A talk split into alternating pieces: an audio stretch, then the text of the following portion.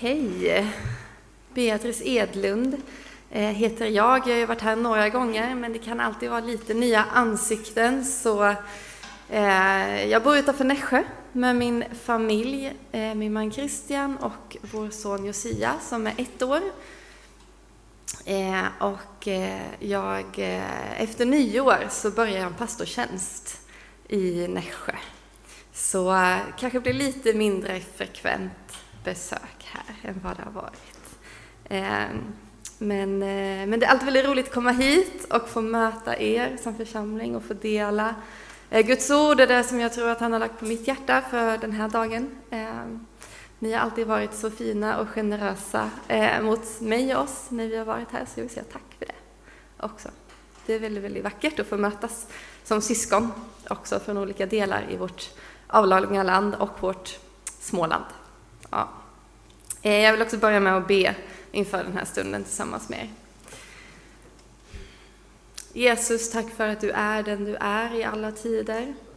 I alla säsonger, i alla årstider så är du densamma. Tack för det. Tack Gud att du eh, vill ge oss av din Ande, att du vill dra oss in i din närhet och din närvaro. Och Jesus, jag ber att du här och nu, i den här stunden, drar oss till dig. Jag ber också att vi ska se att du drar fler människor nära dig. Gör oss eh, öppna, med öppna händer och öppet hjärta, villiga att ta emot din inbjudan, att komma nära.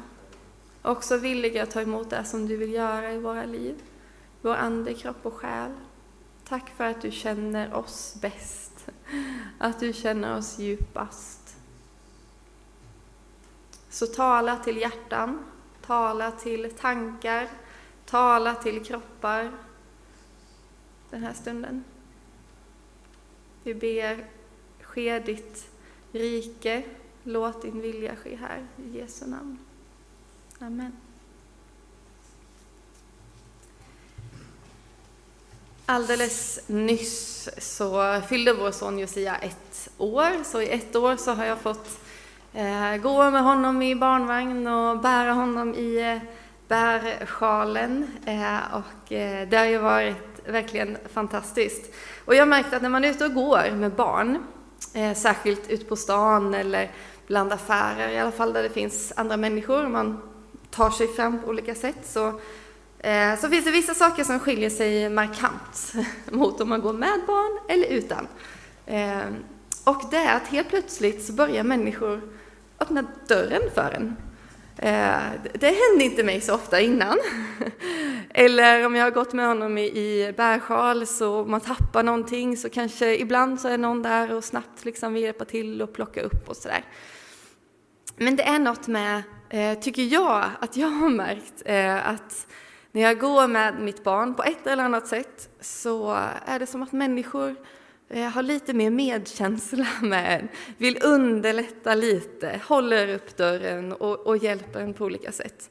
Eh, och det är ju väldigt tacksamt. Det är ju väldigt vackert och ödmjukande också. så. Och den tanken vill jag att ni håller kvar en liten stund. Eh, så kommer jag återkomma till den. Men håll kvar tanken vid människor som håller upp dörrar för barnvagnar och så vidare. Eh, för det de gör är ju ofta att de, de håller upp utan att säga så här ska du göra. Eller så här borde du göra istället. Eller så här borde du gå med barnvagnen för att komma in, in genom dörren själv. Utan de bara håller upp dörren. Så. Så återkommer vi till det. Men idag så ska vi dyka in i Markus evangeliet kapitel 2. Eh, Det första, första stycket som handlar om en lam man som kommer till Jesus med hjälp av sina fyra vänner. Markus kapitel 2, vers 1 och framåt. Några dagar senare kom Jesus tillbaka till Kafarnaum. När man fick höra att han var hemma samlades så många att de inte längre fick plats ens utanför dörren och han förkunnade ordet för dem. Då kom han till honom med en förlamad man som bars av fyra män. När de för folkmassans skull inte kunde komma fram med honom till Jesus tog de bort taket över platsen där han var. De gjorde en öppning och sänkte ner bädden som den lame låg på. Jesus såg deras tro och sa till den lame, mitt barn, dina synder är förlåtna. Nu satt det några skriftlärda och de tänkte i sina hjärtan, varför talar han så? Han hädar. Vem kan förlåta synder utom Gud? Jesus förstod genast i sin ande att de tänkte så inom sig och han sa till dem, varför tänker ni så i era hjärtan? Vad är lättast, att säga till en lame, dina synder är förlåtna, eller att säga, res dig, ta din bädd och gå?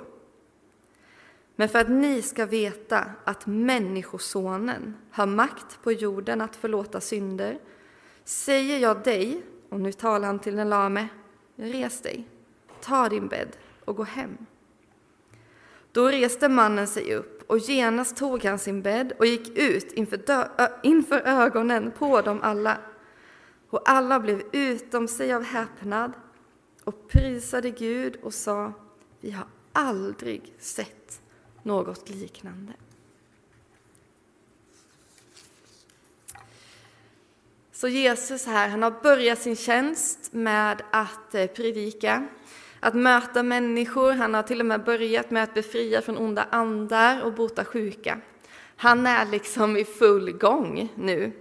Och det ryktet har ju spridit sig, så när han har kommit hem till Kafarnaum, eh, som troligtvis är eh, Petrus och Andreas hus där de kom ifrån, det verkar vara hans bas.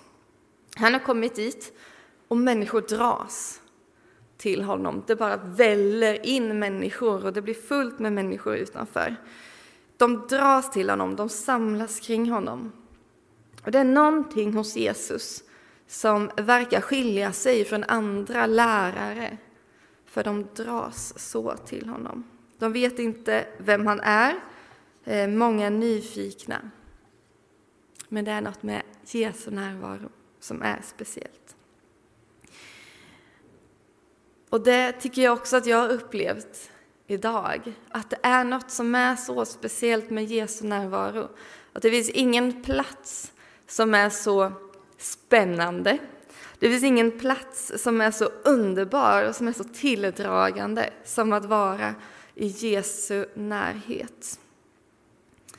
Där man liksom kan känna, ibland bara ana och ibland kanske till och med ta på att Jesus är närvarande, han är här. Och för mig under en särskild, tyvärr alldeles för begränsad period så, eh, så hade jag en, en säsong i mitt liv så jag hade så nära till att vända mitt hjärta, min blick till Gud, där, där det enklaste var att söka Gud, där eh, det blev på ett sånt konkret sätt att jag kunde jag kunde känna hans närvaro, jag kunde känna tyngden av Guds närvaro i rummet där jag var. Och det var eh, och i min egen kropp, och det var alltid fantastiskt. För det var alltid tröstande, det var alltid kärleksfullt, det var alltid utrustande. Eh, och fortfarande så finns det platser och stunder där jag liksom känner av det där att ja, men här är ju Gud, eh, nu säger Jesus någonting. Eh, men, eh, men det är sällan så regelbundet och konkret som det var under den perioden. Och jag är inte särskilt nostalgisk av mig. Eh, jag är lite mer visionär kanske, men det där, där längtar jag tillbaka till. Att få ha den här konkreta närvaron av Gud, att så märkligt, Eh, eller så verkligt och märkligt få möta honom Eh, gång på gång. I mitt eget sovrum eller eh, under gudstjänst och så, men framför allt var det liksom hemma. Eh, och det gjorde också något så vackert i mitt eget liv. Det märktes utåt. Och jag själv, jag drogs närmare Jesus, för jag ville så gärna vara nära honom. Och det märktes på människor runt omkring också, att de fick smaka på det. Under den perioden så har jag aldrig vittnat så mycket, jag har aldrig samtalat så mycket om Jesus med människor som inte är troende. Som under den perioden jag själv levde så i vardagen så nära konkret i Guds närvaro. Så när jag lever nära Jesus, då dras också andra människor närmare Jesus. Och här i texten så blir huset fullt av människor. Och inte bara i huset, utan i dörröppningen och på gatan, gatan utanför så är det så trångt med människor som vill höra på Jesus. De vill lyssna. De kanske vill se honom, kanske till och med kunna ta på honom. För det Jesu närvaro är, där samlas människor. Och jag vill också komma nära Jesus igen och igen och igen. Jag vill också se, höra och röra vid honom. Och det ska vi alla söka efter att göra, för det finns ingen mer eh, underbar plats än där. Och det jag vill göra nu är att hjälpa oss att samtidigt lyfta blicken som vi gör det. För i den här berättelsen så är vägen fram till Jesus till slut stängd. För en person som så desperat behöver Jesus för ett helande i sin kropp. Och det är ju inte människor som har stängt vägen för att stänga honom ute, utan alla är ju där för Jesus. Alla är där för att höra om Jesus. En del är där för att de är skeptiska, eh, men de flesta är där för att de är nyfikna. Och kanske behöver vi se på våra gemenskaper och våga se om vi i vår kyrka ställer oss lite för tätt och trångt själva när vi söker oss nära Jesus så att andra inte kommer fram närmare honom. Kanske är dörröppningen ibland stängd eller trång, inte den fysiska, men i vår egen gemenskap Eh, vi blir, jobbar vi lite för mycket inåt så att vi ser mer oss själva och varandra än hur Jesus ser på människorna runt omkring oss. Kanske har vi fyllt i perioder församlingslivet med aktiviteter och verksamheter och gudstjänster som riktar sig till vårt eget inre liv. Som gör att den som kommer eh, och är lite nyfiken inte riktigt känner att den får plats eller känner sig hemma. I veckan så har ju ni skickat alla era tre anställda till eh, medarbetarkonferensen som EFK har i Falun. Jag var också där och jag vill bara ge en eloge till er att alla, alla tre har fått åka för det är en sån välsignelse eh, och en sån gåva. Eh, och det har varit fantastiska dagar där. Och det övergripande temat som, som det handlade om var missionell diakoni att sträcka sig utåt och att också få vara en, en brusten gemenskap på något sätt där vi inte behöver ha, vara liksom de finaste och starkaste och bästa utan där vi får vara en gemenskap som människor också känner igen sig i. Eh, och ett citat som jag snappade upp i ett samtal kring vårt bord var, var detta. Att kyrkan växer naturligt uppåt i ålder och inåt i gemenskap. Och därför behöver vi aktivt jobba för att sträcka oss utåt mot andra människor och nedåt i ålder. För även om vi sträcker oss utåt och nedåt så kommer vi växa uppåt och inåt och det behöver vi också. Det inre livet i församlingen, det är viktigt. Eh, och det kräver tid och engagemang och arbete. Men församlingen växer inte automatiskt utåt mot nya människor om vi fokuserar inåt. Församlingen och gemenskapen, jag tänker att den är inte lika mycket till för oss, utan den är mer till för dem som inte ännu är en del av den här nådens gemenskap. Att den är ännu mer till för de som ännu inte är en del av nådens gemenskap. Och nu vill jag återkomma till den här bilden av eh, att gå med barnvagnen ute på stan eller i bärsjalen. Är vi kristna de som öppnar dörrar, plockar upp tappade saker åt dem och hjälper människor framåt utan att säga hur de skulle kunna göra och klara av det själva? utan att främst förmana och tillrättavisa? Eller säger vi åt dem hur de egentligen ska göra? Är vi de som ger läxor hur man ska uppföra sig? Som berättar hur livet med Jesus ska se ut? Mer än vi lyssnar till deras egna längtan. Mer än att vi öppnar dörrarna och låter dem komma in och så får vi se vad som händer. Och känner du att så här, men jag är bra på att öppna dörrar så tror jag Gud bara vill välsigna det i dig. Att du får steppa in i det ännu mer, att du får känna dig trygg med att Gud gör någonting gott i mitt liv Eh, som jag får ge vidare till människor och dra med fler i det, lära fler att öppna dörrar, att plocka upp saker för andra människor.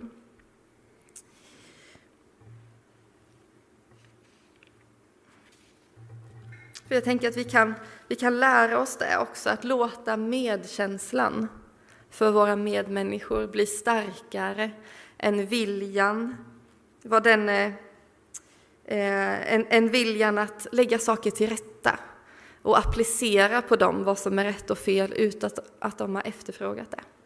Att medkänslan för var människan befinner sig just här och just nu kan få vara starkare. Och ibland kan vi behöva reflektera över det i vårt eget liv, ibland kan vi behöva göra det som kyrka. Eh, över, reflektera över vår kultur i kyrkan, över våra prioriteringar, vad vi lägger tid och engagemang på. Att skapa möjlighet för nya människor att höra på och möta Jesus på olika sätt. Kanske mer än, än att upprätthålla former som i praktiken täpper till dörren för den som är nyfiken och kanske lite blyg. För alla är inte den som har fyra vänner som hjälper dem upp på taket och öppnar upp taket för någon annan. Alla har inte de vännerna.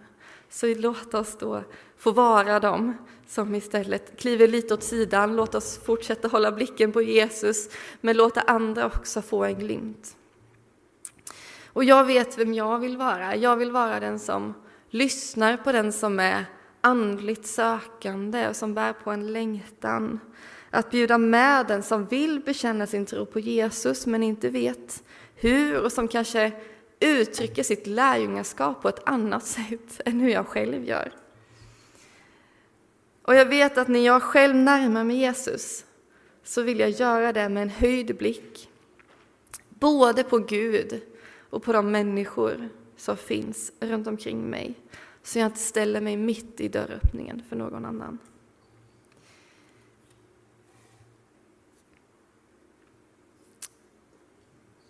Vad kallar Jesus sig själv i den här texten är en annan fråga som jag bär med mig. För Jesus han kom ju som Messias till den här världen. Han kom som den som dess moder, den som ska rädda hela världen, den som är sänd av Gud, den som alla väntade på.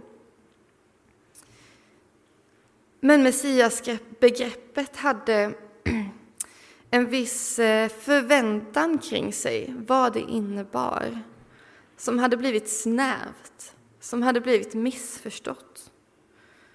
För folket trodde att Messias var en kung med världslig makt som skulle befria dem praktiskt och fysiskt ifrån det romerska slaveriet. Eh, men Guds rike som kommer med Jesus, det ser inte ut på det sättet. Det ser ut på ett helt annat sätt. Och därför använder Jesus aldrig någonsin namnet Messias om sig själv.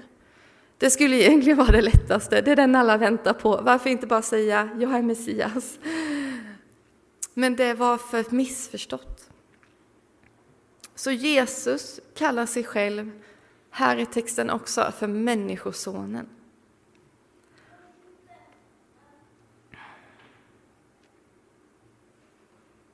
Ni ska veta att Människosonen har makt på jorden att förlåta synder. Och Människosonen, det är ju en betoning på det mänskliga Jesus, att han har blivit människa. Och samtidigt att han är son till den högste. Och det finns en anspelning, anspelning på ett eh, profetiskt ord i, i eh, Daniels bok om eh, en som liknar en människa och samtidigt är den helige heligaste. Och det känns ju som lite paradoxer, att vara den heliga heligaste och samtidigt vara lik en människa. Men det är precis så Jesus är. Han är människa och Gud och allt det ryms på något sätt i det här begreppet Människosonen. Så Jesus i alla fall, han varken gör eller kallar sig själv vad människor förväntar sig. Och även detta tänker jag är något som jag och vi behöver påminna oss om idag. Att Gud handlar fortfarande på sätt som vi inte förväntar oss. Och jag behöver fråga mig själv, är jag öppen och lyhörd för det? Känner jag Gud i de olika sätt som han uttrycker sig för människor? Eller är det främst den kyrkokulturen som jag finns i som jag känner? Blir jag skeptisk om någon upplever Gud på något annat sätt än vad som ryms i min ram? Och där finns det verkligen ett mått av urskiljning och vad är Gud och vad är liksom någonting annat. Eh, men jag vill lära känna Guds karaktär så väl att jag hör när han både kallar sig Messias och när han kallar sig Människosonen i vår tid.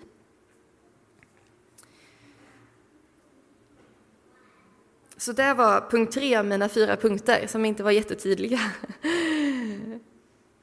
Så, så jag kommer in mot, mot slutet här. Eh, och då kommer vi till den här lame mannen som ligger på sin bädd. Till slut så ligger han där mitt framför Jesus och jag tänker att det är väl uppenbart vad hans behov är. Han kan inte röra sig. Eh, han har fått hjälp av fyra personer för att ens vara där. Han behöver bli helad i sin kropp. Och vad gör Jesus? Jo, han säger Du är förlåten för dina synder. Ja, men jag vill kunna gå. Kanske mannen tänker. Jag vet inte vad han tänker. Ehm, för det är ju inte vad han frågar efter. Vi vet inte om han säger någonting alls. Ehm, och kanske finns det någonting som behöver förlåtas för att liksom han ska få röra sig i sin kropp igen, det vet vi inte. Eh, ibland är det så, ibland inte. Men det är inte det mest synliga och uppenbara som vi tänker att Jesus ska göra som han gör. För Jesus gör det vi, han vet att vårt djupaste behov är. Och det är djupare ibland än vad vi själva vet.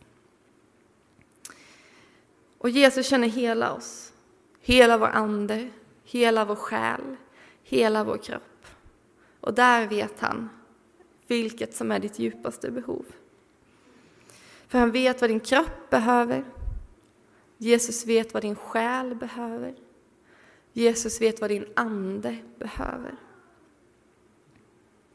Vad som har sårat ditt hjärta eller vilka känslor som binder och förlamar dig inifrån vad som behöver förlåtas, vilken hunger som behöver mättas, vilka, vilken längtan som behöver mötas. Han vet allt detta och så mycket djupare än vad vi själva ens är medvetna om. Så ge uttryck för det du behöver. Ge uttryck för vad som är din längtan. Ge uttryck för vad du behöver för din kropp, för din själ och din ande. Om svaret inte är vad du förväntar dig så kan vi tillsammans få påminna varandra och, och träna varandra i att lita på detta. Att Gud vet vad som är ditt, att han vet vad han gör. Att han möter ditt behov även om det inte var det som du tror var din bön.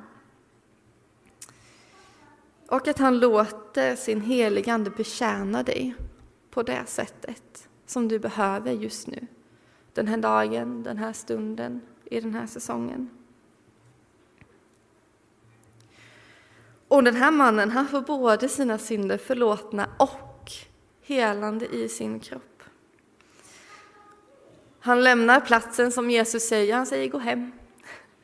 Mannen går genom folkskaran, alla ser vad som har hänt. Och de häpnar och brister ut i lovprisning. Kanske då förutom de skriftlärda som ifrågasätter vad Jesus precis har gjort. Det vet vi inte. Men det står att folket brister ut i lovprisning. För det är vad som händer när Jesus drar människor till sig, när de får möta honom, de får komma hela vägen fram till Jesus. Då är det vad som händer. För det föder tillbedjan och lovsång i våra egna liv, att också se andra människor få möta Jesus. Att låta en annan människa få ta plats och komma nära Jesus, det, det, liksom, det gör inte Jesu verk i mig mindre, utan bara större.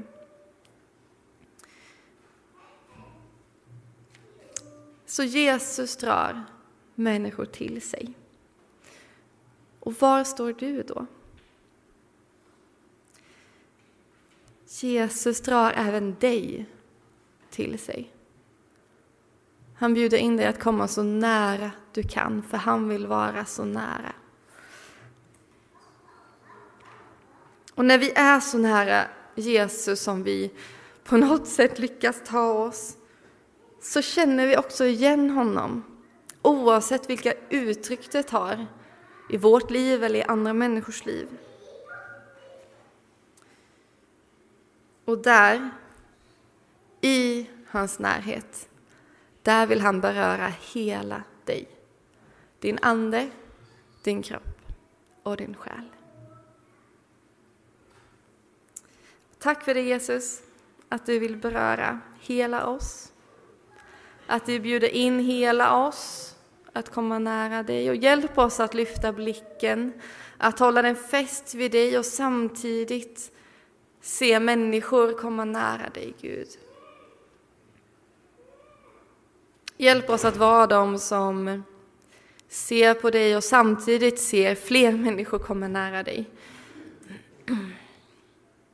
Låt oss göra vägen för andra eh, liksom möjlig att gå ända fram till dig, Gud. Och jag ber nu Herre att det som du vill tala till någons hjärta, att det ska bara få stanna kvar och få gro och få, få liv där. Och det som eh, det andra får blåsa bort med vinden, så blås på oss Jesus. Med din heligande och gör ditt verk fortsatt den här dagen och veckan som kommer och i den här säsongen som ser så olika ut för oss. Men, men gör ditt verk i oss, Gud. Låt ditt rike komma och låt din vilja ske i våra liv, i våra gemenskaper. I Jesu Kristi namn. Amen.